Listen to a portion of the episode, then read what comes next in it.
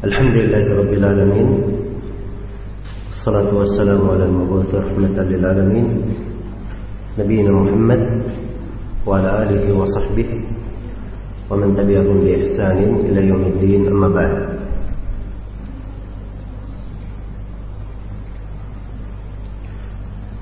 Kita telah mengkaji pendahuluan dari Mamdumah Tafsirat al-Qasid ila ilmi al-Maqasid oleh penulisnya Syekh Salih bin Abdullah bin Hamad Al-Usaimi Hafizahullah Ta'ala dan kita telah memulai masuk ke dalam pembahasan beliau di dalam ilmu maqasid ini. Kata beliau rahimahullah, kata beliau hafizahullah taala, wa ba'du innal ilma bil ahkami min anfa'il ulumi lil anami. Wa ba'du innal ilma bil ahkami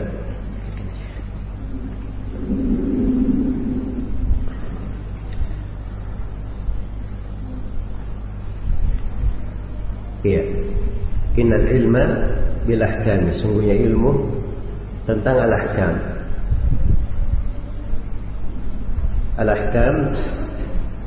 Kebanyakan penggunaannya dipakai di pembahasan fikih. Mencakup di seluruh pembahasan fikih di empat babnya. Apakah itu di bab ibadat atau di bab muamalat atau di bab al-ankihah atau di bab al-hudud dan al-aqdiyah. Dan kadang dipakai juga untuk penggunaan ahkam seputar Al-Quran. Ahkam tentang Al-Quran. Nah itu di pembahasan ulumul Quran ada buku-buku tersendiri yang ditulis tentang al-ahkam. Ahkamul Quran. Jadi al-ilm bil ahkam itu min anfa'il ulumi lil anam. Dari ilmu yang paling bermanfaat untuk manusia.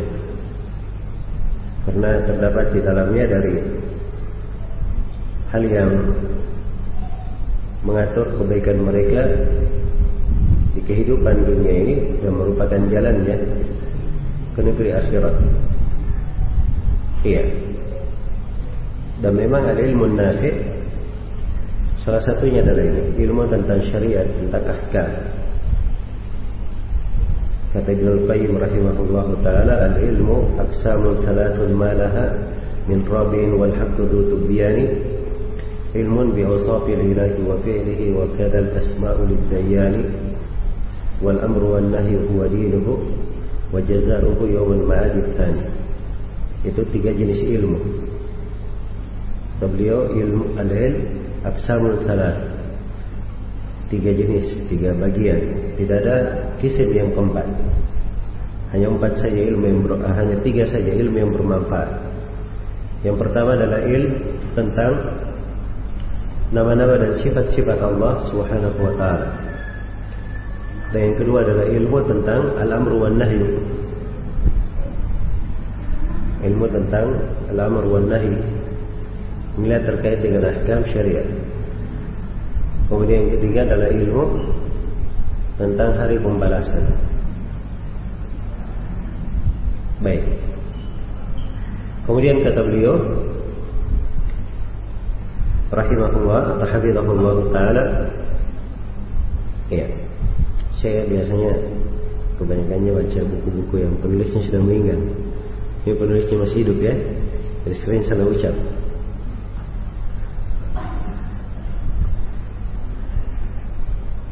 kata beliau wa inna ma duri ayati lighayat at-tashri'i fi ayati. Lighayat at-tashri'i fi ayati. Iya. Wa inna ma yadrihi. Dan yang tahu tentang ilmu ini?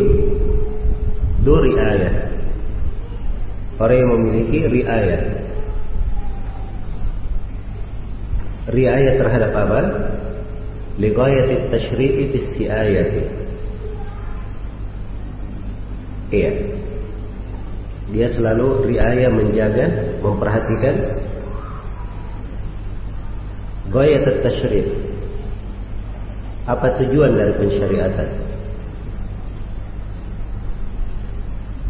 Apa tujuan dari pensyariatan?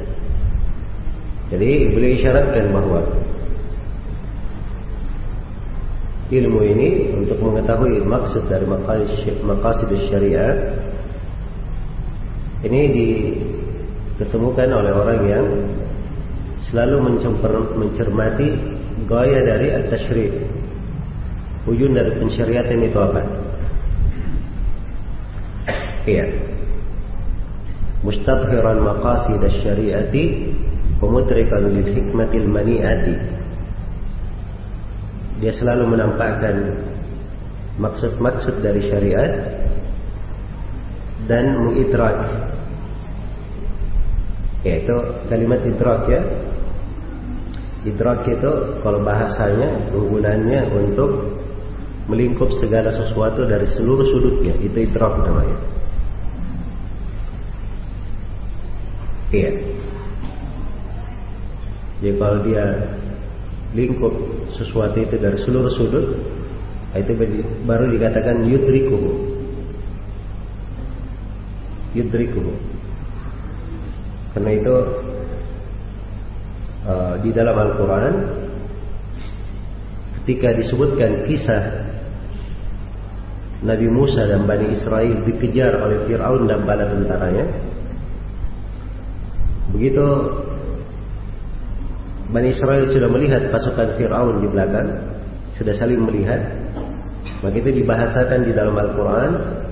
Falamma tara al-jam'ani qala ashabu Musa inna lamudrakun. Begitu dua jama' dua kelompok ini sudah saling melihat tara'a. Sudah saling melihat, maka pengikut Nabi Musa berkata, "Inna lamudrakun." Sebentar sebentar lagi kami diidrak pakai bahasa idrak. Artinya sebentar lagi kita akan dikejar, dikepung dari segala penjuru. Jelas ya? Dikepung dari segala penjuru. Nah, baik. Dan ini penting ya di dalam memperhatikan bahasa-bahasa kata-kata yang dipakai di dalam nusus. Karena seorang yang terbiasa tajam di dalam menggunakan lafaz-lafaz itu lebih detail di dalam pembahasan-pembahasan syariat. Dari dalil yang dipakai oleh ahli bidah, mereka mengingkari Allah dilihat. Itu mereka berdalil dengan ayat La tudrikuhul absar wa huwa yudrikul absar. Allah itu tidak diliputi oleh pandangan mata, dialah Allah yang meliputi pandangan mata. Nah, mereka jadikan ini dalil bahwa dalil untuk mengingkari ru'yatillah, melihat Allah Subhanahu wa taala.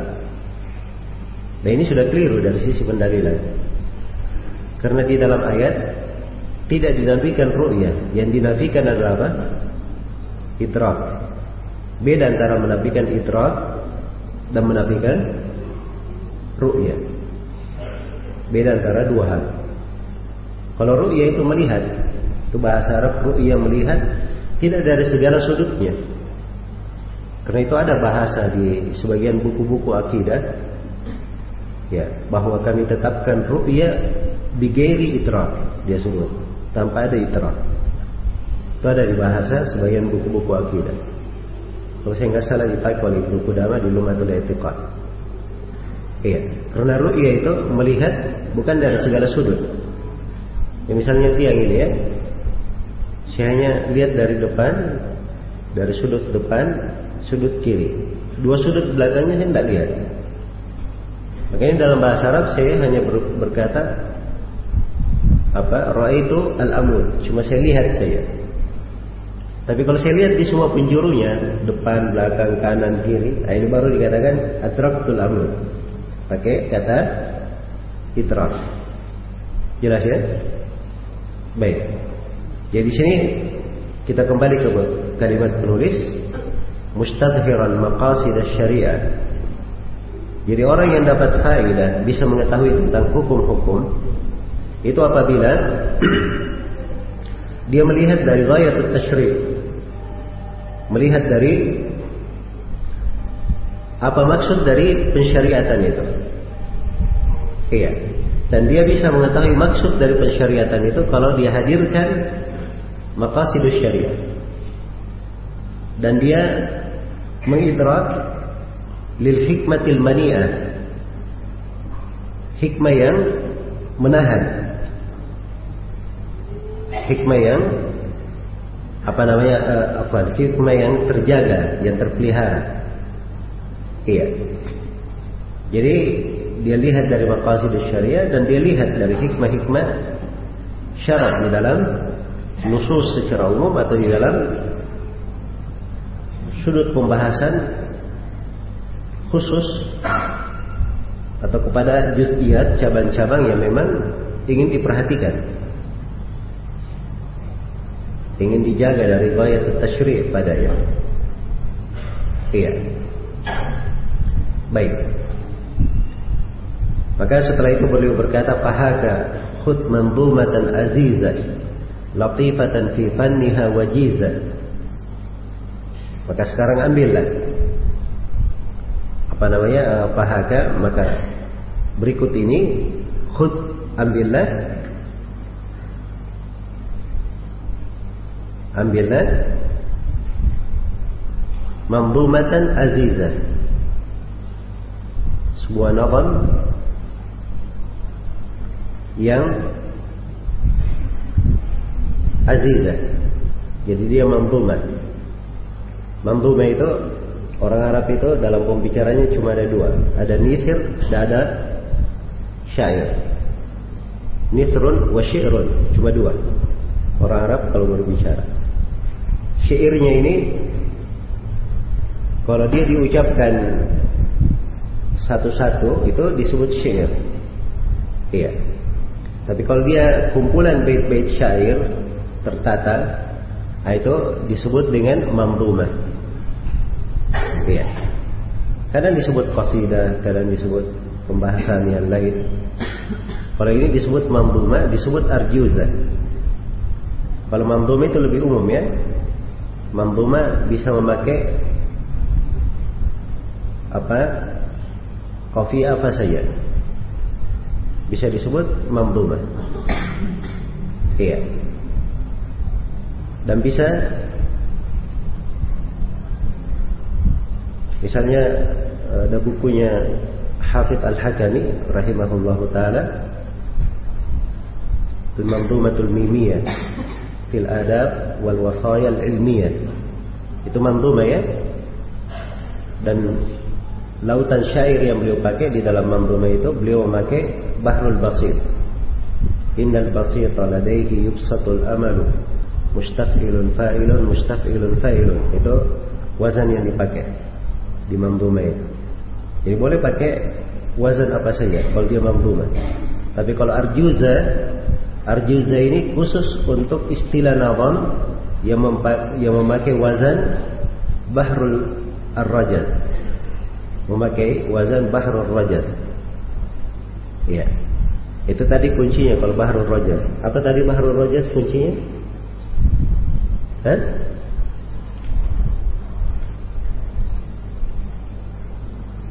Belum ditulis ya?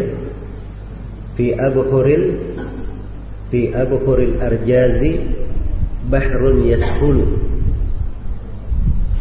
mustaf'ilun mustaf'ilun mustaf'ilun Ya. Jadi mandumah ini fungsinya kalau orang Arab itu untuk memudahkan mengumpulkan rangkaian yang banyak dikumpulkan dalam bait syair jadi mudah dihafal. Gampang diingat. Jadi gampang diingat kan begitu? Iya. Misalnya apa? Syurut la ilaha illallah. Hah? Coba syarat la ilaha illallah. Ilmun. Yakin. Al-ilm. Al-yakin. Hah? Cuma dua. Al-ikhlas. As-sidq.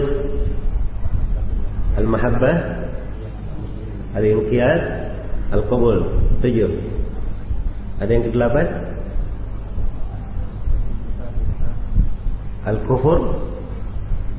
Bima siwallah. Kan begitu Ya kalau disebut delapan begitu saja, mungkin ada yang lupa satu dua. Tapi kalau dia hafal bait syair ya mudah. Kumpul dalam dua bait syair. Ilmun yaqinun wa ikhlasun wa sidqu kama mahabbatin wal inqiyadu wal qubul laha wa zida thaminuha wa huwa al kufran minka bima siwa al ilahi min al asya'i fatuliha. Jadi hafal dua bait syair sudah hafal delapan syarat la ilaha illallah. Jadi mudah dengan syair itu. Siapa sepuluh orang sahabat yang dijamin masuk surga? Hmm? Abu Bakar, Umar, Utsman, Ali. Ini mah gampang ya. Hah? Talha bin Ubaidillah Abdurrahman bin Auf Hah? Sa'ad bin Abi Waqqas. Said bin Zaid. Az-Zubair bin Awam Satu lagi. Aminu hadihil ummah jangan dilupa. Abu Ubaidah Ibn al-Jarrah. Jadi berapa semuanya? 10 orang. Mudah hafal dua bait syairnya. Lil Mustafa khairu sahbin nassa annahum Fi jannatil khuldi nassan Zadahum syarafa. Hum talhatu Zubairu ma Abi Ubaidata Wa Sa'dani Wal Khulafa Sudah lengkap Hah? Jadi syair begitu fungsinya. Sama di sini antum di pembahasan maqasidus syariah. Ini pembahasan kita sudah uraikan ya isi buku ini ada pendahuluannya, ada pertama tentang pentingnya mempelajari ilmu ini. Kemudian penulis terangkan manhajianya sekarang. Kemudian beliau sebutkan apa sebab dinamakan dengan tafsiratul qasid. Setelah itu beliau terangkan fawaid pelajaran, faedah mempelajari ilmu maqasid. Setelah itu beliau bawakan definisi maqasidus syariah itu apa. Lalu beliau berbicara tentang pembagian maqasid menjadi tiga. Ya, dururiyat, hajiat, dan tahsiniyat. Setelah itu beliau bawakan pembahasan tentang mukamilat. Ini kan banyak pembahasan, dikumpul dalam 35 bait syair oleh penulis. Kan mudah semua diingat. Ini yang ringkas. Iya. Dalam ilmu mustalah juga seperti itu. Hafal al-Baikuniyah dari Mamduma itu Al-Baikuniyah kalau dihafal dengan bagus maka dia bisa menyerap banyak dari aksam ulumul hadis, bagian-bagian dari ilmu hadis. Yang mau belajar nahwu misalnya, iya.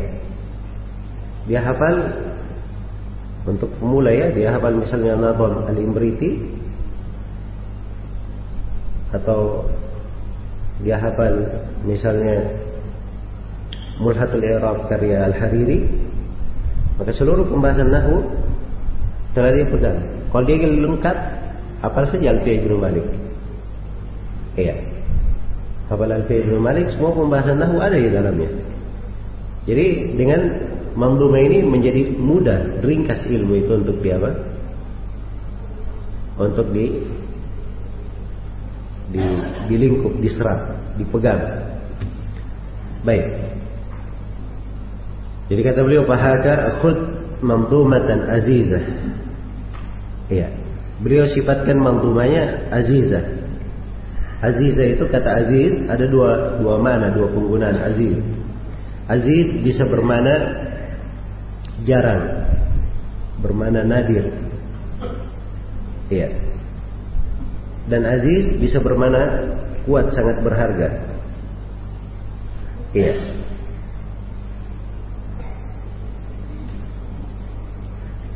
Jadi ini dua-duanya dimaksudkan oleh penulis ya. Karena memang yang menulis mamdumah yang seperti ini itu jarang. Iya.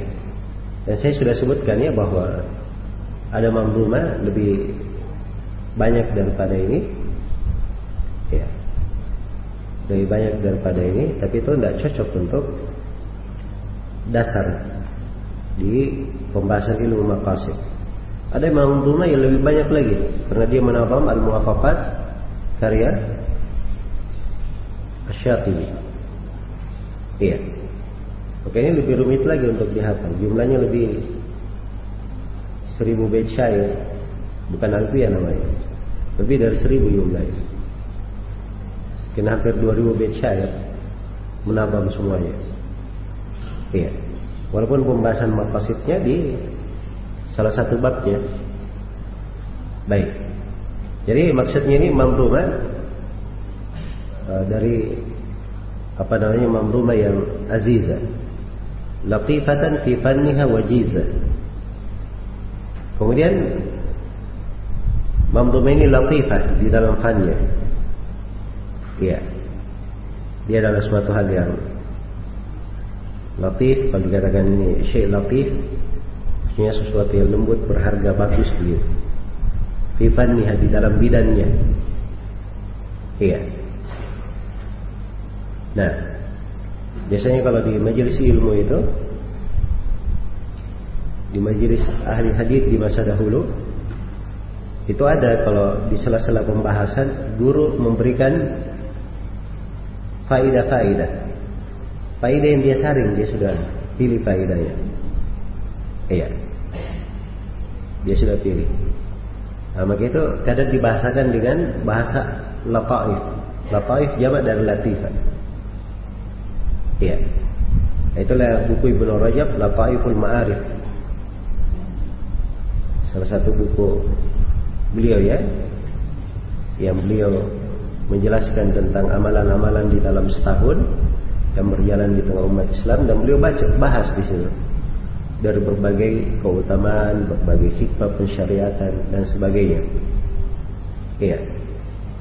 Ibn Rajab rahimahullah taala ahli fikih dari kibar Al-Hanabila. Dan beliau punya pembahasan-pembahasan yang sangat tajam sekali. Iya. Di pembahasan apa namanya ilmu alat seputar fikih itu sangat menonjol di Rajab. Dalil yang paling besar untuk hal tersebut adalah buku beliau. Buku beliau tentang apa namanya Tahrirul Qawaid yang dikenal dengan nama Qawaid Ibn Rajab. Qawaid Ibn Rajab. Nah, itu buku luar biasa ya. Beliau kumpulkan dari kaidah-kaidah fikih di apa namanya di dalam madhab Hambali dan beliau satukan di situ furu kebanyakan furu untuk kaidah itu kebanyakan cabang pembahasan di belakang kaidah tersebut iya jadi maksudnya penggunaan lataif, latifah itu kadang dipakai untuk faedah-faedah yang tersaring dipilih, bagus begitu. Latifah fi fanniha di bidangnya. Ya. Wajiza dan dia ringkas. Ini kalimat wajiza ini menunjukkan manhajiyah penulis di dalam menyusun buku ini. Beliau meringkas Ya, karena memang beliau tidak menyebutkan semuanya ya dari pembahasan maqasid. Tapi beliau berikan ringkasan yang bagus. Samaituha tafsiratan lil qasidi. Saya nama dengan tafsirah lil qasid. Itulah tafsir judulnya tafsiratul qasid. Iya. Kashifatan ma'alim al-maqasidi yang menyingkap ma'alim pokok-pokok penting dalam ilmu al-maqasid itu. Ma'alim ya kalau ada apa namanya yang merupakan ciri pokoknya benderanya di situ ya nah, itu yang dia singkat supaya kelihatan ya. jadi kalau misalnya kita bangunan ya mau ditahu batasan-batasannya di mana bangunan ini yaitu di ada ma'alimnya namanya. Ya kalau sudah tersingkap sudah kelihatan kebangunan Batasannya sampai sampai bagaimana dan bagaimana bangunan tersebut. Iya. Jadi ini beliau membuat dari Mamduma ini untuk menyingkap ma'arif al-maqasid. Tufiduna kamala di syariati. Di itu sama dengan kata hadihi. Hadihi. Cuma hanya hanya kan ditambih. Di-nya untuk isyarat. Ya, tapi ini karena wazan syair dan semua kalimat bisa diikutkan, ada timbangannya. Iya. Dan ini tidak boleh ada apa namanya uh, hadis ini. Jadi penulis kalau misalnya berkata hadihi, ya, maka ini akan berubah wazannya. Kalau ini kan sekarang tufiduna, ini ilun kamaladi ini faulun. Ya, kalau dia tambah hadihi itu akan rusak nanti wazannya, tidak sesuai dengan kaidahnya. Iya, dia tambah dua kalimat di situ, ditambah satu watat kalau dalam istilah syairi. Makanya hanya di tidak disebut. Jadi kalau kita bahasakan umum, tufiduna kamala di syariati. Tufiduna kamala hadihi syariah begitu. Hadihi syariati. Iya. Tentu perhatikan ya di akhirnya kadang ti kita baca ti kasroh. Kalau di atas azizah disukun itu karena memang ada timbangannya syair. Syair itu timbangan. Kalau di atas itu azizah ditulis azizatan wajizatan nah itu akan lebih kalimatnya nanti akan rusak wazan syairi. Baik. Musilatan lirrutabir rafi'ati. Yang mengantar kepada jadi ada dua faedah di sini. Ya, atau ada uh, faedah di sini. Tufiduna faedah mempelajari ilmu maqasidus syariah. Ini memberikan faedah kepada kita kabala hadhihi syariah. Kesempurnaan syariat ini. Musilatan lirrutabi rafi'ati. Yang mengantar kepada rutbah yang tinggi. Mengantar kepada rutbah yang tinggi biha tamamu alatil faqihi fid darki lil ahkami wat tafqih. Iya. Dengan apa namanya?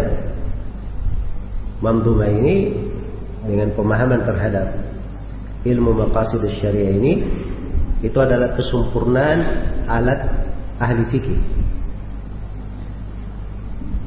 Jadi perhatikan bahasanya kesempurnaan alat seorang fakih, seorang ahli fikih. Jadi ahli fikih itu ada alat-alatnya. Dan tadi saya sudah sebutkan alat-alatnya apa tadi? Hah? Ilmu usul fikih, ilmu qawaid fikih dan ilmu maqasid syariah. Baik. Jadi ini kesempurnaan alat al-faqih. Fid darki lil ahkami wa tafqih. Di dalam lingkup hukum-hukum dan memahami. Iya, jadi di sini boleh sebutkan dua faedah di dalam mempelajari ilmu maqasidus syariah. Ada dua faedah di sini. Faedah yang pertama adalah mengenal kamal syariah.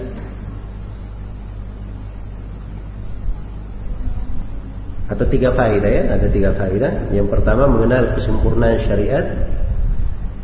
Dan faedah yang kedua al-isal lirrutabir rafi'ah.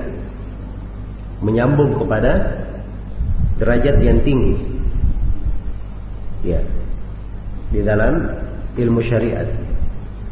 Kemudian faedah yang ketiga, tamamu alatil faqih bimarifatil ahkam. Sempurnaan alat ahli fikih di dalam mengenal ahkam, mengenal hukum-hukum. Baik. Jadi ini tiga faedah. Dari faedah mempelajari ilmu al-maqasid. Iya. Dari faedah mempelajari ilmu al-maqasid. Nah ini tiga faedah sangat penting sekali ya. Sangat penting. Yang pertama adalah mengenal kesempurnaan syariat ini. Jadi seorang kalau dia sudah mengenal sempurnanya syariat, setelah dia bahas ilmu maqasid syariat, dia mengenal syariat ini sempurna sekali. Maka dengan kesempurnaan syariat ini itu banyak sekali manfaatnya untuk seorang muslim. Apabila dia mengenal kesempurnaan syariatnya. Di mana di dalam kesempurnaan syariat ini itu kelihatan keindahannya, keelokannya, kelihatan ciri-cirinya. Iya. Kelihatan ciri-cirinya. Dan ini sudut kalau diterangkan kepada umat Islam, ya itu memberikan banyak faedah. Ya, orang awam saja dapat faedah. Iya. Orang awam saja dapat faedah. Jadi misalnya ada yang melakukan peledakan, pengeboman dan sebagainya, ya maka Seorang dengan mengerti maqasidus syariat dia sudah paham, tidak mungkin umat Islam itu. Tidak mungkin itu berasal dari Islam. Keindahan syariat itu bertentangan dengan hal-hal yang seperti itu. Itu sudah cukup. Begitu dia mengenal keindahan syariat. Iya. Nah ini pembeda namanya. Nah, itu manfaat dari ilmu. Ya tidak bingung. Anda mengerti syariat. Jelas ya? Dia melihat misalnya dari perbuatan kelompok Syiah, mereka bikin begini dan begitu. Iya. Maka dia sudah langsung mengerti ini Syiah ini bukan dari Islam. Islam itu tidak seperti itu. Karena keindahan syariat, ciri-ciri syariat sudah jelas. Ciri-ciri syariat sudah jelas. Nah, ini pentingnya mengetahui ilmu maqasid syariat. Iya. Untuk orang awam saya itu bermanfaat. Apalagi untuk mujtahid. Untuk mujtahid. Ada orang yang menampilkan agama misalnya, agama ini sangat ya, kejam. Kerjanya hanya bikin ribut-ribut saja, perpecahan saja. Hah? Itu sudah orang sudah tahu ini orang-orang ini walaupun dia bawakan dalil apa pun itu bukan dari syariat. Islam itu tidak seperti itu. Mana ada orang belajar agama kerjanya saling benci membenci, bikin perpecahan di sana sini, ribut dengan manusia. Umat Islamnya yang suka dengan dia. Itu bukan dari agama yang seperti itu. Iya. Jelas ya? Kalau dia bawakan dalil-dalilnya, itu ada dalilnya. Para salaf itu menghajar memboikot. Kamu salah paham. Tidak mengerti. Iya. Nah ini asalnya ada orang-orang yang seperti ini memahami keliru. Kenapa? Kekeliruannya dari dua sudut. Ya, sudut yang pertama dia tidak mengerti bab ucapan ulama itu sendiri yang dia baca ucapan ulama yang dia baca itu dia tidak paham apa makna ucapan ulama itu. Dan sudut yang kedua dia tidak mengerti maksud pensyariatan sehingga ucapan seorang alim itu diarahkan sesuai dengan maksud di dalam syariat. Iya. Maka ini ilmu penting sekali, memberikan standar ukuran, membuat pikiran itu jernih. Dan ketika ada orang yang jatuh dalam kesalahan, ya, dia juga menjadi lebih adil di dalam menilai kesalahan-kesalahan tersebut. Iya. Jadi akan tampak keindahan syariat nanti. Baru kelihatan enaknya orang berislam, enaknya orang belajar ilmu agama. Iya. Jadi ini faedah yang pertama yang disebutkan oleh penulis Hafizahullah Ta'ala.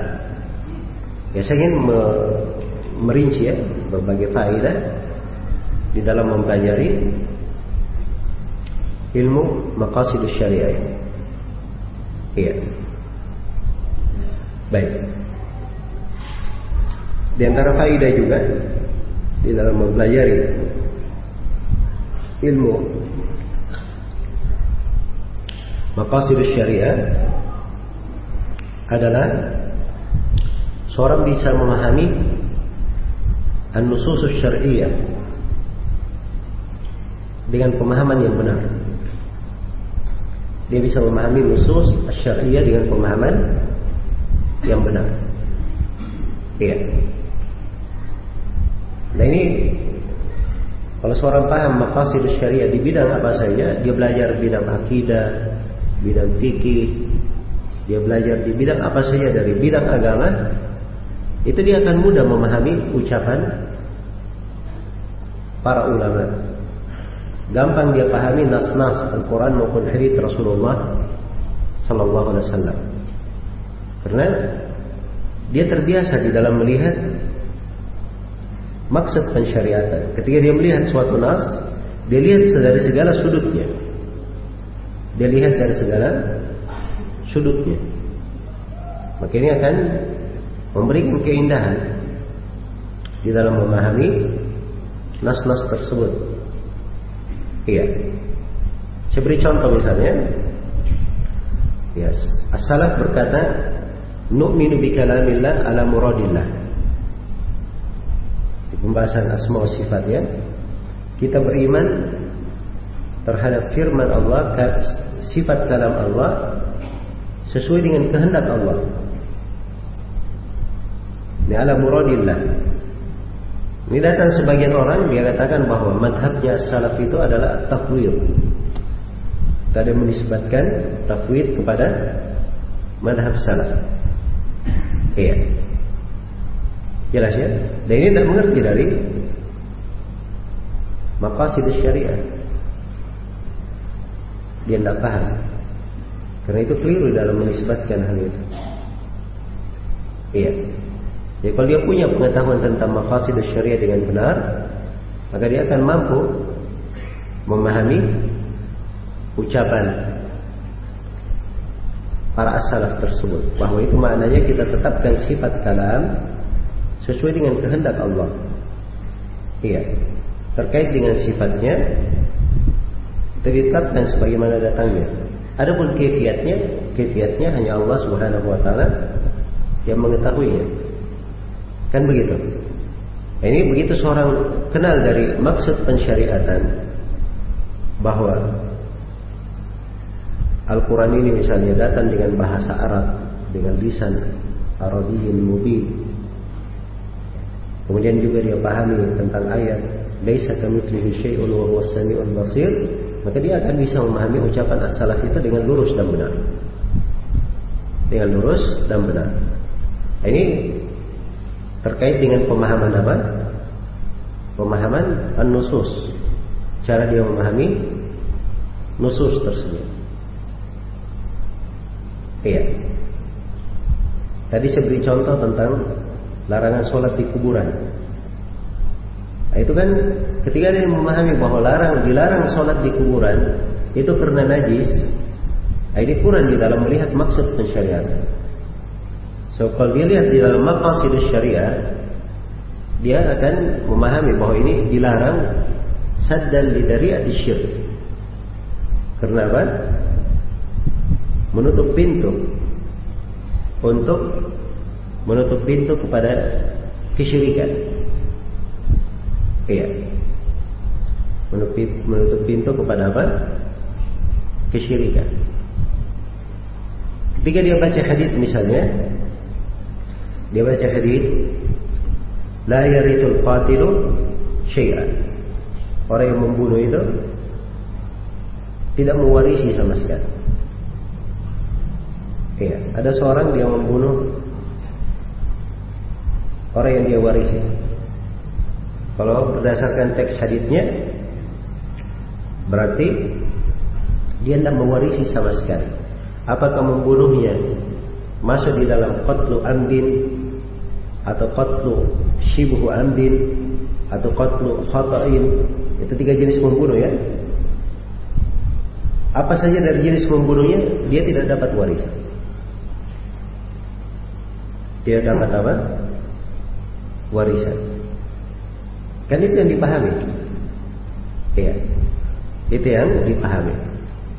Tapi para ulama itu tidak melihat seperti itu. Karena itu mereka katakan bahwa ini hadis jumhurul ulama ya mengatakan bahwa ini hadis khusus untuk orang yang membunuh am sengaja saja. Ada pun orang yang tidak sengaja tetap mewarisi. Ya. Seorang anak kerja rumah di atas rumah ya. Hah? Kerja rumah pakai palu, jatuh palunya. Masya Allah ya. Kena kepala ayah ya. Hah? Meninggal. Jelas ya, ini kan qatlu khata namanya. Ya. Dia tidak tahu ayahnya lewat di bawah, jatuh palunya, kena kepalanya meninggal. Ini qatlu khata. Kalau jumhur ini tetap mewarisi karena dia bukan qatlu apa? Am, bukan sengaja. Iya. Baik dari mana dia taksis? Di mana dipahami seperti itu? Itu maksud pensyariatan. Sebab ada nas-nas yang semisal dengan ini nas-nas yang semisal dengan ini Rasulullah Shallallahu Alaihi Wasallam melarangnya, menahannya karena itu masuk di dalam bab istijal asyik qabla awani. Dia mempersegera sesuatu sebelum waktunya. Itu yang dilarang. Jadi ada yang seperti itu di bulan Ramadan. Ya. Di bulan Ramadan dia melakukan hubungan suami istri di siang hari maka dia kena kafar. Jelas ya? Jadi harus dipahami bahwa maksudnya itu ada di situ. Jadi kalau dia maksudnya dia membunuh orang yang dia warisi dengan sengaja supaya dia cepat dapat warisan, ah, ini tidak boleh diberi warisan. Diharamkan anak-anak kiri niat. Itulah yang dibuat kaidah oleh para ulama, man istajala syekh qabla awani uqibat bihirman. Baik. Jadi ini cara memahami nusus, cara memahami nas-nas. Iya.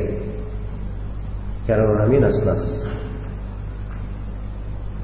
Ketika memahami hadis Rasulullah SAW, Anta wa maluka li abik. Kamu ada kamu dan hartamu milik ayahmu. Kamu dan hartamu milik apa? Ayahmu. Lahirnya ayah itu boleh mengambil harta anaknya. Ya.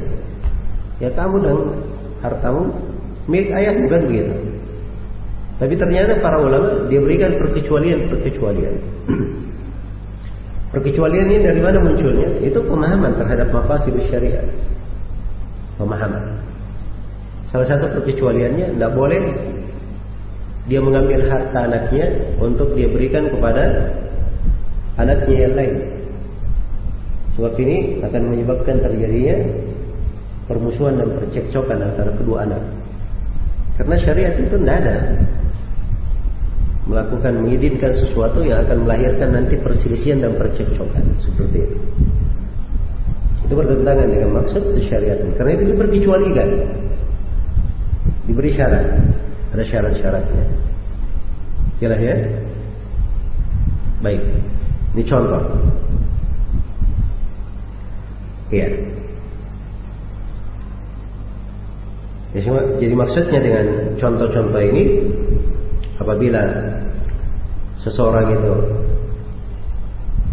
memahaminya dengan baik dan dengan benar, dia akan mudah di dalam memahami nas-nas. Iya.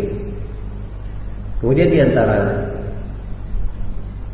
faedah juga di antara faedah mempelajari maqasid syariah itu sudah diisyaratkan di atasnya oleh apa namanya mudrikan lil hikmatil mani'ah jadi ada hikmah yang terjaga karena itu dari faedah mengetahui ilmu maqasid pelajaran ilmu maqasid itu ma'rifatu hikmatit tasyri' seorang mengenal hikmah pensyariatan. Iya. Dan dimaklumi ya kalau seorang itu paham hikmah pensyariatan dia akan lebih yakin terhadap apa yang dia pegang. Lebih yakin terhadap apa yang dipegang dan lebih bersemangat di dalam menjalankannya. Iya. Seorang perempuan misalnya diperintah memakai jilbab. Terus dia memahami apa hikmah syariat di dalam perintah tersebut. Nah, itu dia akan semakin tunduk melaksanakannya. Semakin tunduk di dalam melaksanakan syariat tersebut. Nah, ini dalam memahami maqasid. Iya. Jadi ketika seorang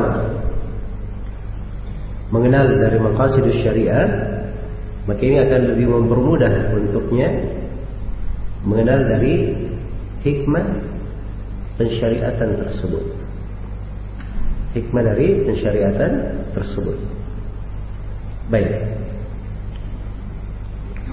Kemudian dari faedah yang berikutnya, ini faedah yang keberapa? Yang ketiga ya. Nah, faedah berikutnya adalah menggunakan maqasid syariat tersebut di dalam siasat syariah dalam siasat syariah ya. Ini pembahasan agak riskan ya pembahasan ini dan banyak apa namanya hal yang perlu dirinci sebenarnya. Cuman saya ingin mengisyaratkan di sini. Iya. Salah satu bagian dari syariat ini ada namanya asiasa asyariyah siasa itu bukan politik dalam bahasa Indonesia ya. Yang berarti sikut menyikut tendang menendang atau ada yang bikin kebijaksanaan bagaimana caranya dia dukung atau dia tentang kebijaksanaan tersebut. Tapi siasa itu di dalam makna di agama ini itu adalah pengaturan. Pengaturan yang membawa kebaikan untuk masyarakat dan negeri. Itu namanya siasa. Iya. Karena itu ada kaidah ya di dalam apa namanya? di dalam ucapan al-fuqaha di sini. Bahwa tasarrufat wali al-amr munafatun bil maslahah. Perbuatan-perbuatan tindak laku dari seorang waliul amr seorang pemimpin itu bersandar kepada maslahat bersandar kepada maslahat iya Nah, ini di sini penggunaan dari sisi maqasid syariah. Penggunaan dari sisi maqasid syariah. Karena itu ada hal-hal dan semua orang bisa masuk di situ. Harus ditahu dan dipahami bahwa syariat maksudnya mensyariatkan di situ untuk apa. Iya. Kenapa ada seperti itu di dalam syariat? Ketika ada percekcokan, perselisihan, itu selalu dikembalikan ke urusan pengadilan, urusan mahkamah. Sebab memang adanya mahkamah itu untuk raful khilaf, mengangkat perselisihan. Iya. Itu salah satu maksudnya ya. Jadi kalau dia memasukkan dirinya misalnya menjadi hakim di tengah manusia padahal dia bukan dari pemerintah. Masuk mengurus perkara-perkara yang harusnya diajukan di pengadilan. Nah, ini dia sudah keliru di sini tidak paham. Keindahan syariat ini aturan-aturannya dia tidak mengerti. Iya. Karena itu orang yang sedikit fikih ya di dalam pembahasan yang seperti ini itu kadang dia campur antara dua bab bab fatwa dan bab qada iya mencampur aduk ini itu nggak bagus ya Apalagi masuk di dalam hal-hal yang bukan urusan dia. Kalau fatwa itu dia bisa kasih fatwa kepada siapa saja.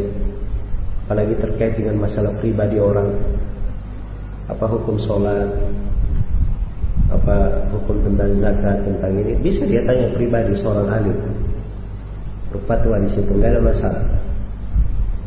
Tapi kalau terkait dengan khilafat nizat khusumat Hah? itu ada urusannya. Ada pembahasannya lagi terkait dengan maslahat-maslahat umum. Terkait dengan masalah-masalah umum itu ada hadis dari Nabi memberikan tuntunan. Diriwayatkan oleh Imam Abu Daud dari Auf bin Malik radhiyallahu anhu. Rasulullah sallallahu alaihi wasallam bersabda la yaqussu 'ala nas illa amir atau ma'mur atau muhtar Jangan ada yang berbicara di tengah manusia kecuali seorang pemimpin, amir atau yang diperintah oleh pemimpin, makmur kalau diperintah oleh pemimpin berarti dia dipasang memang diwakilkan. Inilah pimpinan negara. Dia pasang gubernur. Dia pasang imam masjid. Dia pasang qadhi. Dia memasang mufti. Khusus untuk itu. Itu nggak ada masalah, diizinkan. Jelas ya? Jadi hanya ada amir, hanya makmur. Dua. Yang ketiga namanya muhtar. Nah, inilah muhtar ini yang menserobot-serobot saya. Bukan haknya dia masuk. Itu dicela di situ. Jelas ya? Nah itu saya tanya kepada Syekh Shalal Fauzan pada sebagian ulama kadang dia tidak ditunjuk resmi oleh pemerintah dalam hal itu.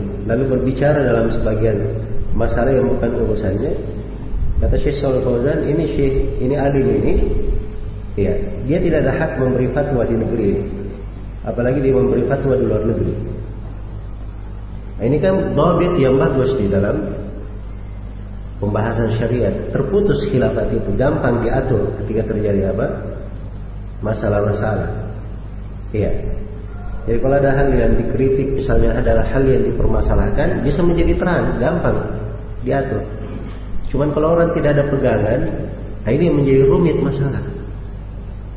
Menjadi rumit. Ada orang yang dituduh begini, ditanya apa kesalahannya juga nggak tahu. Ya. Jelas ya? Tadi katakan begini, ketika mau di di apa namanya dihadapi untuk hal tersebut juga tidak jelas. Maka ini hal-hal yang seperti ini itu keluar syariat kita tidak memberikan hal yang seperti ini. Agama ini adalah agama yang sempurna, mudah, mengatur segala perkara, munabbab di dalam urusannya. Itu keindahan di dalam syariat itu. Jelas ya? Jadi di antara faedah yang sangat besar di dalam pembahasan ini seorang mengenal terkait dengan masalah menggunakan ilmu maqasid di dalam tasarrufat imam, seorang pemerintah. Iya. Jadi kalau dikenal dengan bagus akan banyak sekali dari faedah dan manfaatnya. Tapi ini ilmu tersendiri ya terkait dengan siasa syariah. Ada pembahasannya tersendiri. Iya. Kemudian di antara faedahnya mempelajari ilmu maqasid di dalam pembahasan tarjih. Seorang ketika merojihkan menguatkan pendapat. Ya tarjih itu salah satu pembahasan di ilmu usul fikih. Ya kalau ilmu usul fikih seorang sudah kenal adillah ada namanya ta'arudul adillah tiga dalil-dalil itu bertabrakan bagaimana cara mentarjih ada pembahasannya. Dan para ulama ketika mentarji itu banyak alasan di dalam mentarji. Banyak alasannya dalam mentarji. Kadang dari sisi dalilnya lebih kuat, kadang dari sisi ini lebih mudah. Karena syariat itu adalah mudah. Kadang dari sisi ini lebih hati-hati. Kadang dari sisi ini lebih dekat kepada kebersamaan. Diambil. Semua ini maqasidus syariah semuanya. Ini semuanya maqasidus syariah. Jadi ketika mentarjih, dia tarjih di atas maksud dari maqasidus syariah. Tidak keluar dari itu. Ya? Karena itu subhanallah ketika di perang Badar kan banyak tawanan orang-orang kafir Quraisy kan ditawan. Iya. Maka Nabi Shallallahu Alaihi Wasallam memanggil Abu Bakar dan Umar, minta pertimbangan tawanan ini mau diapain. Nabi Shallallahu Alaihi Wasallam menawarkan kalau tawanan ini orang-orang pemuka Mekah ini dikembalikan lagi ke Mekah diambil apa namanya tebusan untuk mereka. Abu Bakar As-Siddiq berpendapat, "Ya Rasulullah, Banul Ammi wal Ashira." Bahasanya lembut Abu Bakar. Anak-anak paman dan keluarga sendiri ya Rasulullah. Iya. Kita kembalikan aja mereka ke Mekah. Kita ambil dia. Apa ambil tidak tebusan. Kita bisa menebus kaum muslimin yang ditawan dan bisa kita ambil harta itu untuk menguatkan umat Islam, menguatkan kita. Jadi maksud syariatnya ada. Walaupun bahasa Abu Bakar sesuai dengan kelembutan beliau. Ya, ini pendapatnya siapa? Hah? Abu Bakar. Tahu pendapatnya Umar? Kata Umar, La wallah ya Rasulullah. Awalnya sudah sumpah. Tidak demi Allah ya Rasulullah. Saya tidak sependapat dengan Abu Bakar. Pendapat saya, kamu ambil keluargamu si Fulan, Abu Bakar ambil keluarganya si Fulan, saya ambil keluarga saya si Fulan, kita penggal lehernya semuanya. Kata Umar.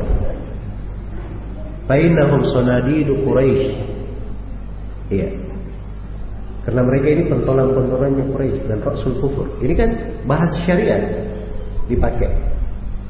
Jadi semuanya bersandar kepada maksud dari maqasid syariat. Dan sembarang para sahabat itu berbicara. Iya. Tapi Nabi Wasallam condong kepada pendapat Abu Bakar waktu itu. Dan setelahnya Rasulullah Shallallahu Alaihi menyesali keputusan beliau. Ternyata keputusannya Umar lebih apa? lebih cocok setelah beliau dapat wahyu. Iya. Ada hal bahwa ini cara mempertimbangkan. Begitu mentarji, kan ada maksud pensyariatan yang dilihat dari maqasid syariah ini. Ini dijaga, dipelihara, itu berjalan. Iya. Jadi jangan ada yang bilang ilmu maqasid syariah ini ilmu baru. Ya, baru dia dengar, tiba-tiba dia bilang apa? Ilmu baru. Ada orang yang seperti itu ya, kalau baru dengar ilmu, dia bilang itu syubhat. Hati-hati kamu kena syubhat. Ya. Jadi apa yang dia tidak ketahui itu namanya syubhat. Masya Allah, seakan-akan dia sudah syekhul Islam. Ya. Sudah tahu semuanya, tidak ada lagi ilmu yang luput baginya. Itu tidak seperti itu kondisinya. Nah, nah itu para ulama, subhanallah, ya, di dalam banyak pembahasan itu luar biasa kehati-hatiannya. Iya. Itu sering di pelajaran Syaikhul Fauzan kalau ditanya masalah-masalah tertentu, beliau bilang, kamu tanya ke pengadilan, jangan tanya di sini. Iya. Terkait dengan masalah talak, Hah? itu memang harus dihadirkan antara orang yang mengucapkan talak bagaimana dia mengucapkannya posisinya kita kan harus ditanya oleh si hakim kalau terkait dengan nilainya mungkin perlu ada data itu perlu dihadirkan. Dan cukup fatwa di situ. Dan cukup fatwa. Iya. Nah, ini datang orang yang baru belajar kitab talak, ditanya tentang talak, jawab di sana sini. Akhirnya ribut anggota pengajiannya tiap hari bicara talak saja. Iya. Karena tidak ada kaidah yang bagus dia pegang dalam hal tersebut. Iya. Ada lagi yang tanya apa hukum kerja di bank? Misalnya. Ustaznya terangkan kerja di bank itu hukumnya tidak boleh begini begini. Ini si penanya dia keluar ketemu kawannya kerja di bank, dia boykot, dia hajar. Ya ini pelaku dosa maksiat kita harus hajar karena apa? Dia kerja di bank. Apa hubungannya jawaban Ustaz ini dengan apa? Perbuatan orang tersebut. Tidak ada hubungannya. Jelas ya? Dia hanya menjawab saja. Hukum syar'i tidak mendudukkannya pada orang. Itu beda antara orang menjawab hukum syar'i dan tanzilul ahkam, menurunkan hukum itu kepada orang. Itu beda. Dalam hal tersebut. Dan ini yang kadang manusia tidak membedakan, tidak pandai membedakan. Ya. Kadang ada sebagian orang juga menjawab sembarangan juga. Dia tidak melihat kondisi penanya. Kalau kita tahu kondisi penanya, kadang harus diberikan jawaban sesuai dengan kondisinya. Karena itu Nabi Shallallahu Alaihi Wasallam ketika ditanya oleh seorang orang ini berkata, Ya Rasulullah kami narkabul bahar biasa mengarungi lautan. Walaysa ma'ana minal ma'illa qalil. Kami tidak bawa air kecuali sedikit. Kalau dipakai beruduk bisa habis airnya di di laut. Bolehkah kami beruduk di air laut? Kan pertanyaannya beruduk dengan air laut saja kan? Tapi Nabi beri jawaban lebih. Kata beliau wa tahuru ma'uhu al-hillu maitatu. Airnya itu mensucikan dan bangkainya boleh halal dimakan. Dia beri jawaban tambahan. Ya, sesuai dengan kondisi orang tersebut sesuai dengan kondisi orang tersebut. Karena itu kadang sebagian orang dia masuk di dalam pekerjaan seperti bekerja di bank. Ya, sudah diterangkan misalnya itu riba, tidak boleh bekerja di situ. Tapi kalau dia keluar dari pekerjaannya, mungkin dia akan mendapat bahaya lebih besar daripada itu. Sebagian orang dibiayai sekolah, atau segala macam tahunan. Hah? Mungkin dia keluar dari situ bisa membahayakan dia, membahayakan keluarganya. Ini kan bertentangan itu betul, doror bahaya dia lakukan. Tapi kalau dia keluar ada bahaya lain. Dan di dalam syariat ini ada kaidahnya, la doror wala dirar. Ya, kalau dia tetap berada di situ dan dia keluarnya itu dipertimbangkan. Karena itu sebagian pertanyaan yang seperti ini saya tanyakan ke Syekh Fauzan. Ada orang yang bekerja misalnya di pajak, kata beliau nggak boleh dia duduk di situ. Kecuali kalau dia keluar ya tadarrab kata beliau tidak apa-apa dia tetap kerja sampai dia dapat pekerjaan lain ini fatwa sesuai dengan kaidah syariat sesuai dengan apa maqasid syariat. Nah, itu seorang alim seperti itu punya fikih. Dia ketika menjawab itu tidak melihat pada satu sudut saja. Dia lihat kepada sudut sudut di dalam syariat itu. Iya. Baik. Kemudian dari jadi faedahnya ini terkait dengan tarjih ya terkait dengan masalah tarjih itu tadi ya nah ini untuk mentarjih memang penting. Seorang itu memiliki dari maqasid syariah. Memiliki dari maqasid syariah. Baik. Ini yang sering ribut di Indonesia. Ya tiap tahun sudah dekat Ramadan ya. Ribut penentuan. Masuknya Ramadan tanggal berapa keluarnya nanti juga sering ribut ya. Lebaran sama siapa? Ya ya karena kita di negeri kita subhanallah sedikit ada masalah pemerintah itu tidak tegas di situ. Ya kalau mereka tegas di situ memutuskan kami memutuskan masuk keluarnya Ramadan tidak boleh lain-lain akan selesai masalah. Akan selesai apa? Permasalahan. Sebab memang itu salah satu tugas pemerintah salah satu kewajiban mereka nah itu ada di buku-buku tentang apa namanya buku akidah di buku-buku tentang ahkam sultaniyah Ibnu Jamaah sebut salah satu kewajiban pemerintah dia menentukan jihad, menentukan haji, menentukan id. Itu salah satu tugas pemerintah. Ya, sekarang pemerintah kita ya dia ada keputusan, tapi kalau ada ormas tertentu menyelisihi, ya dihormati pendapatnya. Nah ini membuat perselisihan di tengah manusia. Dan ini nggak cocok. Jelas ya? Ini tidak cocok yang seperti itu. Nah, yang menjadi masalah nanti, ya, ini sekarang pemerintah daerah berbeda dengan pemerintah pusat. Pemerintah pusat di hari Sabtu, pemerintah daerah berdasarkan ikut ormas lain dia di hari Ahad. Nah, semuanya pemerintah. Bingung kan nanti mau ikut yang mana? Semuanya pemerintah. Iya. Jadi kalau ada yang cuma pakai kaidah bersama pemerintah saja, dia tidak melihat maksud syariat di belakangnya, akan bingung pasti. Semuanya apa? Pemerintah. Tapi kalau dilihat dari maqasid syariat, itu mudah di dalam memahaminya. Sebab yang dimaksudkan, dia jangan melakukan id di luar kebanyakan manusia. Kan Nabi memberi ukuran itu di dalam hadis Abu Hurairah riwayat At-Tirmidzi Kata beliau al-Idu as-sawmu yawma tasumun wal fitru yawma tuftirun wal adha yawma tudhahun. Kata beliau puasa itu adalah hari kalian semua berpuasa. Berbuka adalah hari kalian semua berbuka.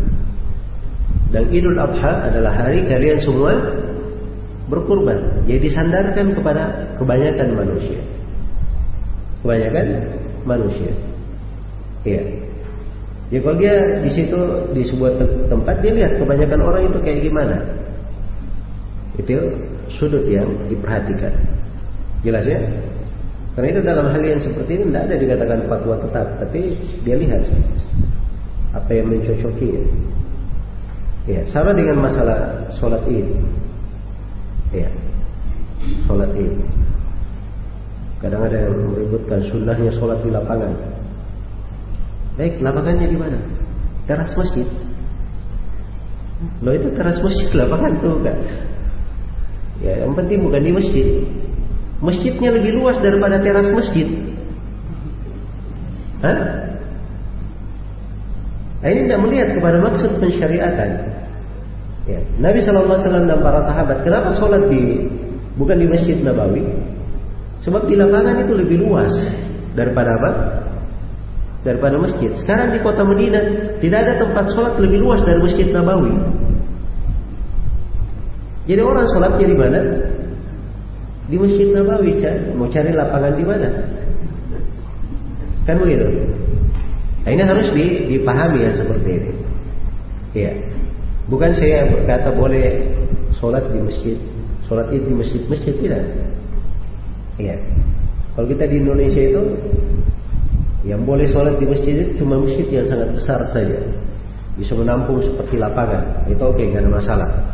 Tapi kalau seperti masjid, lapangan-lapangan sudah masyhur di Indonesia.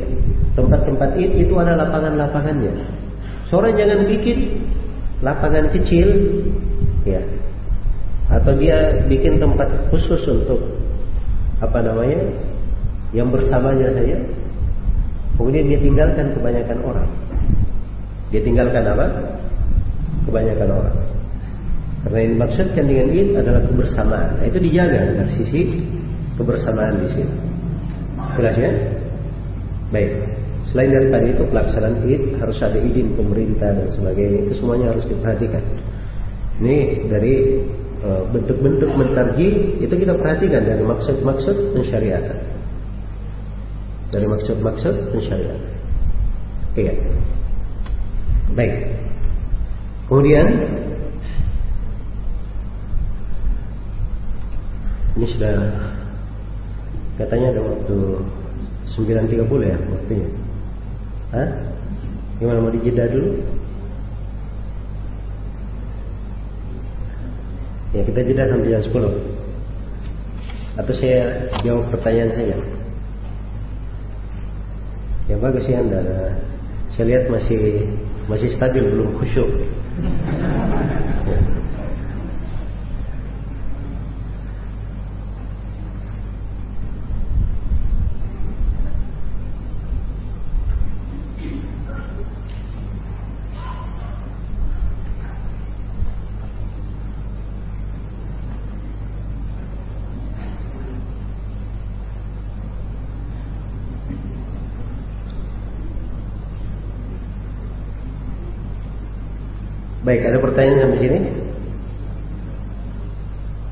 Silakan kalau sebelum kita lanjutkan, tidak apa-apa.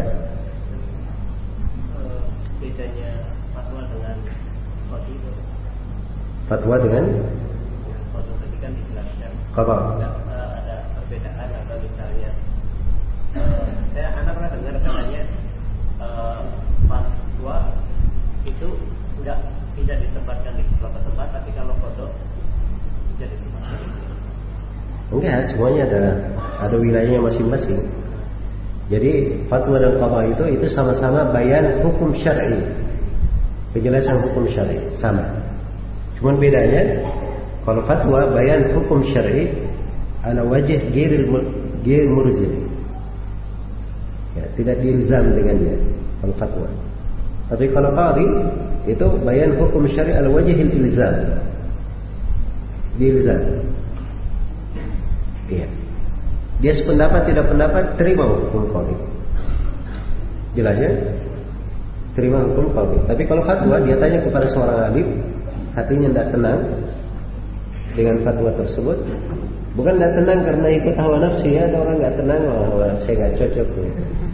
Enggak. Tapi karena ada hal yang lain, dia tanya kepada alim yang lain, itu nggak ada masalah. Karena memang dia tidak diilzam dengan fatwa. Beda dengan qada. Kalau diilzam oleh qadi, qadi mengatakan hukumnya begini, walaupun ada silam pendapat, tidak ada silam pendapat. Hukum qadi yang diterima. Hukum qadi yang diterima. Baik.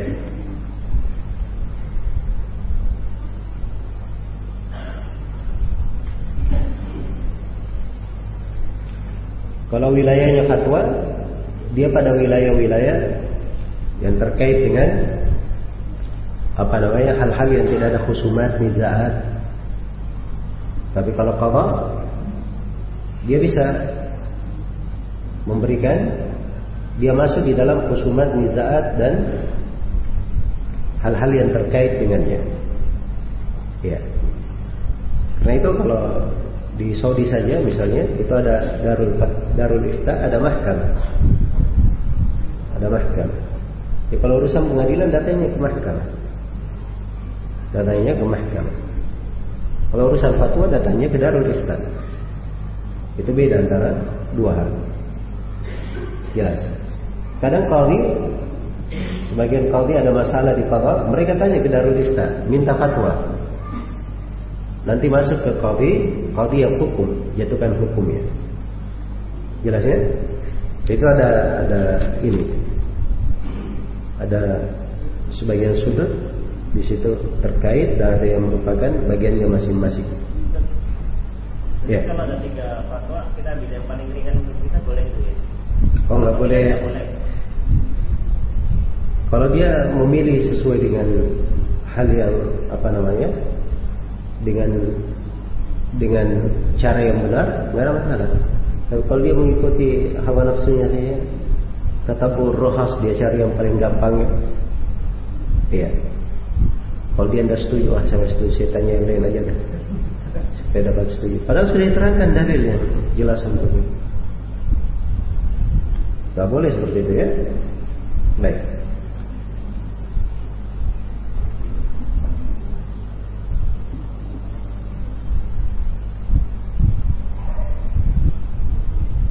ini yang menjadi sekarang ini mufti-mufti mau menjadi qadhi, banyak orang seperti itu. Dia mufti mau menjadi apa? Menjadi qadhi. Ini sebulan saya sudah nasihatin, dia masih seperti itu. Ya, jadi itu mau menjadi qadhi namanya. Penjarakan aja kalau gitu bawa pengadilan penjarakan. Kan dia qadhi kan? Ya kalau dia mufti hanya memberi nasihat, dia beri nasihat saja. Nasihat kalau dia berubah alhamdulillah. Kalau enggak, dia sudah tunaikan kewajibannya, nggak usah masuk dalam hal-hal yang bukan urusannya. Iya.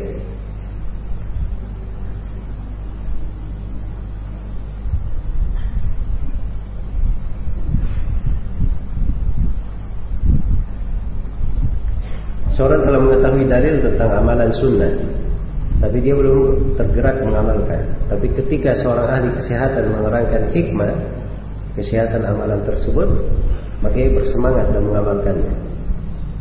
Bagaimana dengan keikhlasan amal seperti ini. Iya. Amalan itu amalan yang diterima kalau dihendaki dengannya wajah Allah Subhanahu wa taala. Itu kaidah di pembahasan ini. Hanya saja ada sebagian amalan yang kalau asalnya sudah dikehendaki wajah Allah ikut di belakangnya sebagian hal yang terkait dengan dunia maka itu tidak mempengaruhi. Seperti misalnya jihad fi sabilillah berperang. Kan begitu kan? Di belakang jihad dijanjikan ghanimah atau tidak? Hah? dijanjikan ghanimah kan? Ghanimah apa? Dunia atau bukan? Hah? dunia. Boleh mengambil ghanimah jawabannya boleh nah, sepanjang dia mengikut saja pada hal yang ikhlas itu nggak ada masalah dia mengikut Begini kata saya kalau ini saya nggak bisa jawab pertanyaannya. Harus tahu orangnya apa yang dia lakukan sebabnya, motivasi apa dia. Semata dunianya karena kesehatan itu tadi, maka dia hanya dapat itu, dia tidak dapat tawarannya. Tapi setelah dia dengar dari ahli kesehatan merangkan, oh subhanallah, benar nanti kalau begitu ya, dia semangat. Kalau begitu saya amalkan sunnah ini. Bukan karena ahli kesehatannya, tapi dia semakin yakin terhadap apa? hadits Nabi Shallallahu Alaihi Wasallam. Nah itu nggak ada masalah ya dalam hal ini. Baik. Berita tentang bidadari dalam ayat memberi efek targib untuk beramal soleh. Bagi kaum laki-laki ini hikmah yang jelas. Hmm? Lalu efek targib apa yang didapatkan oleh kaum wanita membaca ayat ini? Hal ini merupakan iskal bagi kami. Karena dalam Al-Quran turun untuk kaum laki-laki dan wanita. Iya. Ini yang bertanya siapa?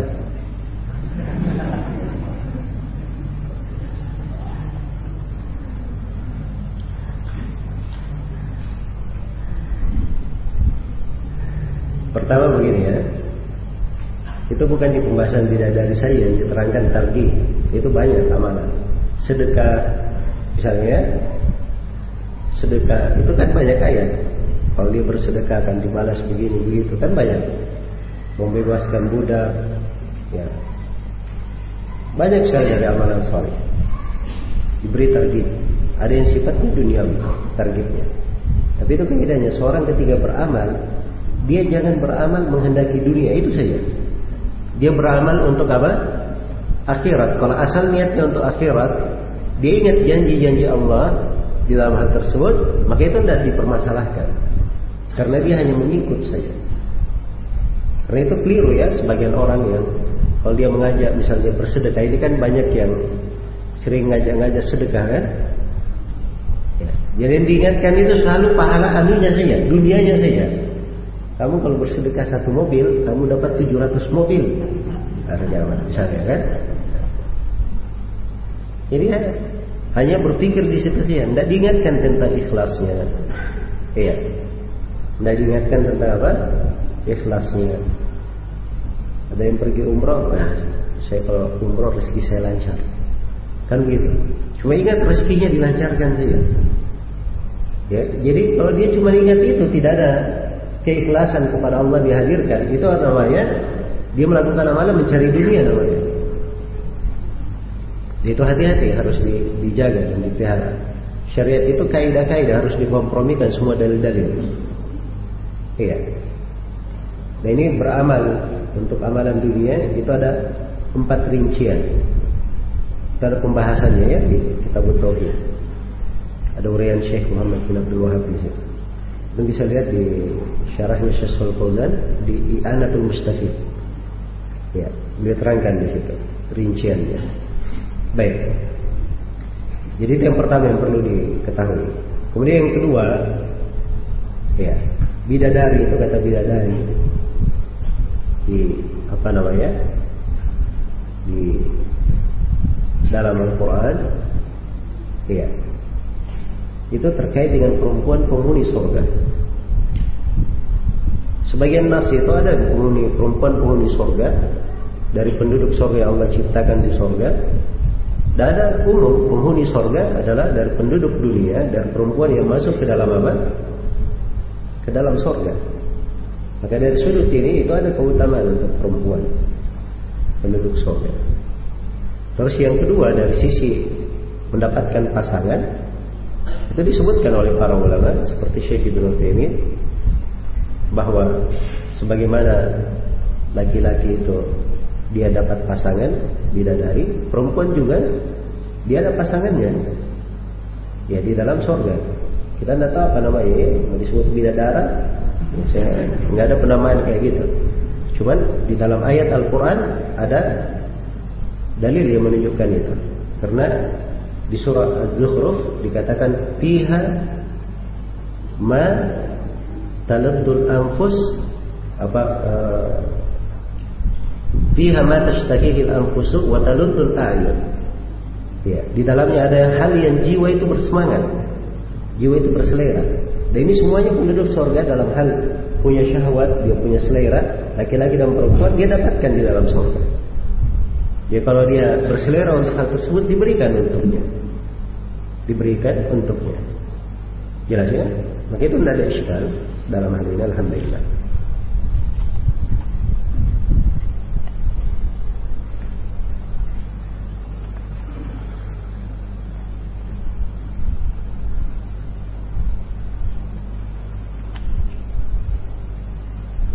Di tempat kami untuk sholat id tidak ada lapangan yang bisa dipakai.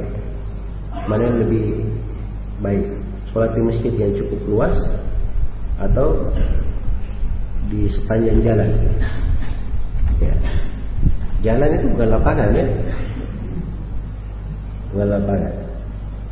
Hanya saja maksudnya itu tadi mengumpulkan kaum muslimin. Kalau memang masjidnya lebih luas, mengumpulkan orang di situ, berkumpul di masjid, kalau misalnya apa namanya uh, masih perlu bisa ditambah ke belakang, itu nggak ada masalah ya, bagus di masjid. Bagus di masjid. Tapi kalau di lapangan dia di misalnya di jalan dia bisa mencakup orang lebih banyak lagi di jalan nggak ada masalah. Di jalan tidak ada masalah. Iya. Nah itu di banyak negara-negara yang mayoritas kafir kan umat Islam punya masjid besar itu sedikit. Masjid saja jarang, bagaimana caranya dikatakan punya masjid apa? Punya masjid besar. Kadang mereka sholat, subhanallah, sholatnya di jalan. Ya. Sudah kerjasama dengan pemerintah sempat kerja sholat di jalan. Ya saya pernah lihat potongan video Imam Haram itu sholat mengimami di jalan Ya subhanallah Mungkin terhitung sekilo dua kilo orang sholat di belakang Ya saking Saking apa namanya Mencakup Nah ini bagus ya. Nah mungkin di kota-kota besar Itu tidak di lapangan-lapangan yang bisa dipakai. Ataupun kalau di negeri kafir Lapangan seperti itu tidak bisa Di apa namanya pakai misalnya untuk ibadah di sebagian negeri ya. Baik. Jadi itu kembali di dalam memahami bahwa maksud dari sholat itu Sholat id itu bagaimana mereka sholat id bersama. Itu yang dimaksudkan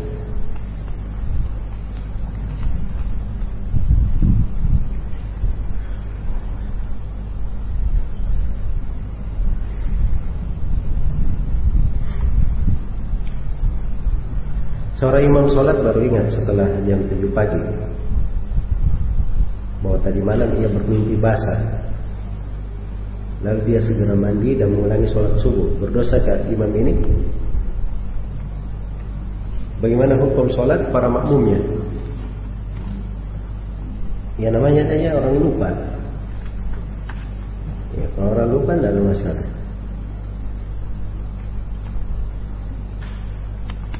Setelah dikabulkan untuk umat ini. Rabbana la tu'akhidna in nasina au akhtana. Iya. Dan itu telah dikabulkan untuk umat ini. Kalau dia lupa atau keliru.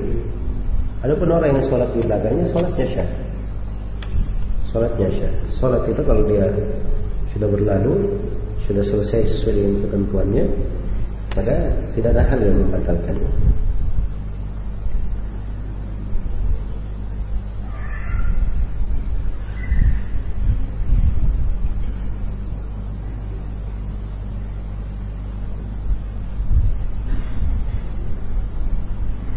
Bagaimana jika di suatu tempat beda hari Id tapi jumlahnya 50% 50%. Saya tinggal di kompleks sahibul kisah. Sedangkan sahibul ru'ya sholatnya terpecah-pecah masing-masing masjid. Saya ikut mana? Nah, ini rumit juga ya masalahnya. Rumit masalahnya. Ya, kalau seperti ini kondisinya, pertama dia ikut rukyah, hilang. Kemudian dia ikut kebanyakan manusia di tempatnya. Kemudian dia ikut kebanyakan manusia di dalam negerinya. Itu dia perhatikan juga. Ya, kalau dia ikut di pemerintahan pusat karena itu yang merupakan kebanyakan, maka itu nggak ada masalah. Itu harusnya dia kerjakan ya, kalau di kondisi seperti ini. Iya. Tapi kalau dikasih fatwa misalnya harus selalu ikut pemerintah pusat itu pernah terjadi ya di sebagian daerah. Ya ya ikut pemerintah pusat itu dihitung pakai jari. Jadi dia mau sholat id masa mau sholat id sendiri? Kan begitu? Ya. Ya ikut di ormas itu lebih banyak. Malah pemerintah daerah ikut ormas. Ya. Baik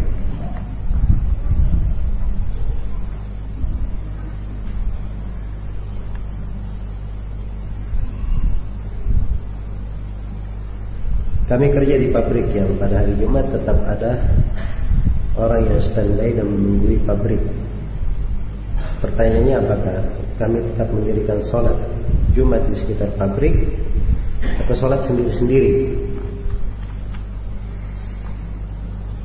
Iya. Baik ini pertama terkait dengan masalah kerjaan ya. Kerjaan duniawi ya. Dan seorang itu kalau terkait dengan pekerjaan duniawi, dia cari pekerjaan yang tidak mengganggu aktivitas ibadahnya, kewajibannya. Asalnya seperti itu. Jadi dia usahakan mencari pekerjaan yang tidak mengganggu aktivitas ibadahnya, sholatnya, puasanya. Tapi kalau misalnya seorang ditakdirkan dia hanya kerja di sebuah pabrik, tidak ada penghasilan lain kecuali itu tidak ada pekerjaan lain kecuali itu. Maka tidak ada masalah dia kerja di situ. Terkait dengan sholat jumatnya kalau dia dapat tugas misalnya untuk menunggu pabrik ya. Dan mengharuskan tidak sholat jumat maka di situ dia tempuh upaya dulu ya. Diupayakan minta izin untuk selalu diberi waktu untuk jumat atau semisal dengan itu. Kalau memang tidak bisa maka Jumat itu kalau sudah dia tidak ikut dengan kaum muslimin secara umum, maka yang menunggu ini mereka sholat duhur secara berjamaah, tidak sholat apa? Tidak sholat Jumat. Dan berjamaah itu tetap disyariatkan. Kalau dia tidak Jumat ya sholat duhur secara berjamaah. Baik.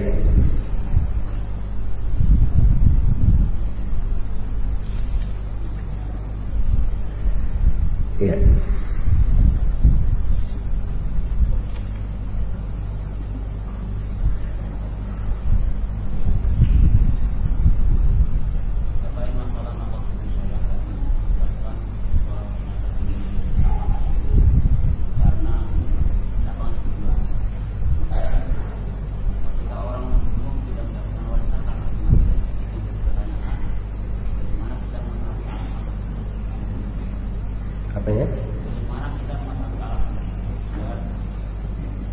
akan datang nanti pembahasannya akan datang pembahasannya pembahasan turuk ma'rifatil maqasid. Cara mengenal maksud-maksud syariat. Baik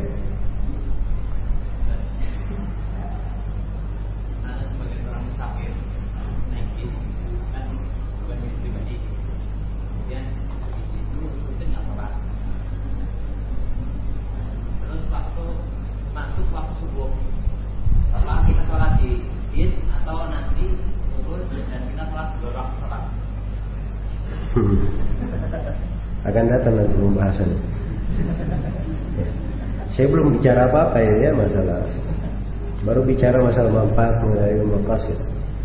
Itu di pembahasan ta'arud al-masalih. Ta'arud al-masalih. Ada dua ya.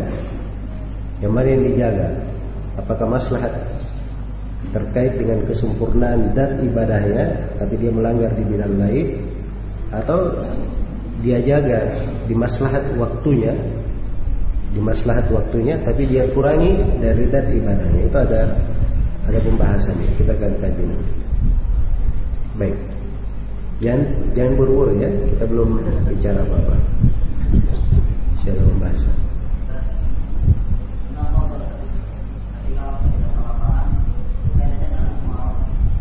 Hah?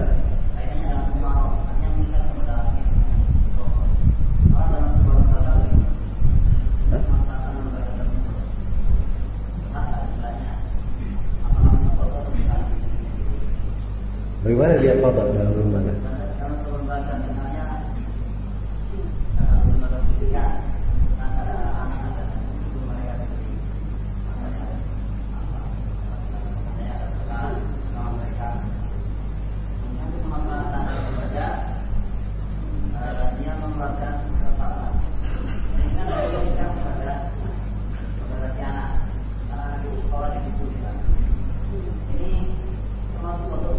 Nah, bukan qada itu. Itu kan peraturan dia bikin hal yang sifatnya maslahat untuk sebuah kegiatan. Iya, itu nggak ada masalah itu. Jelas ya? Dia melanggar aturan. Dia melanggar aturan yang dibuat oleh sekolah. Itu masuk di dalam dia melanggar perjanjian kan begitu. Termasuk di dalam hal-hal yang terkait dengan itu.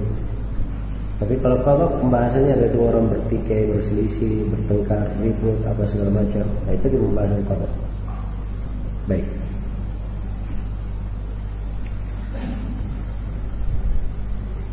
Baik kita lanjutkan.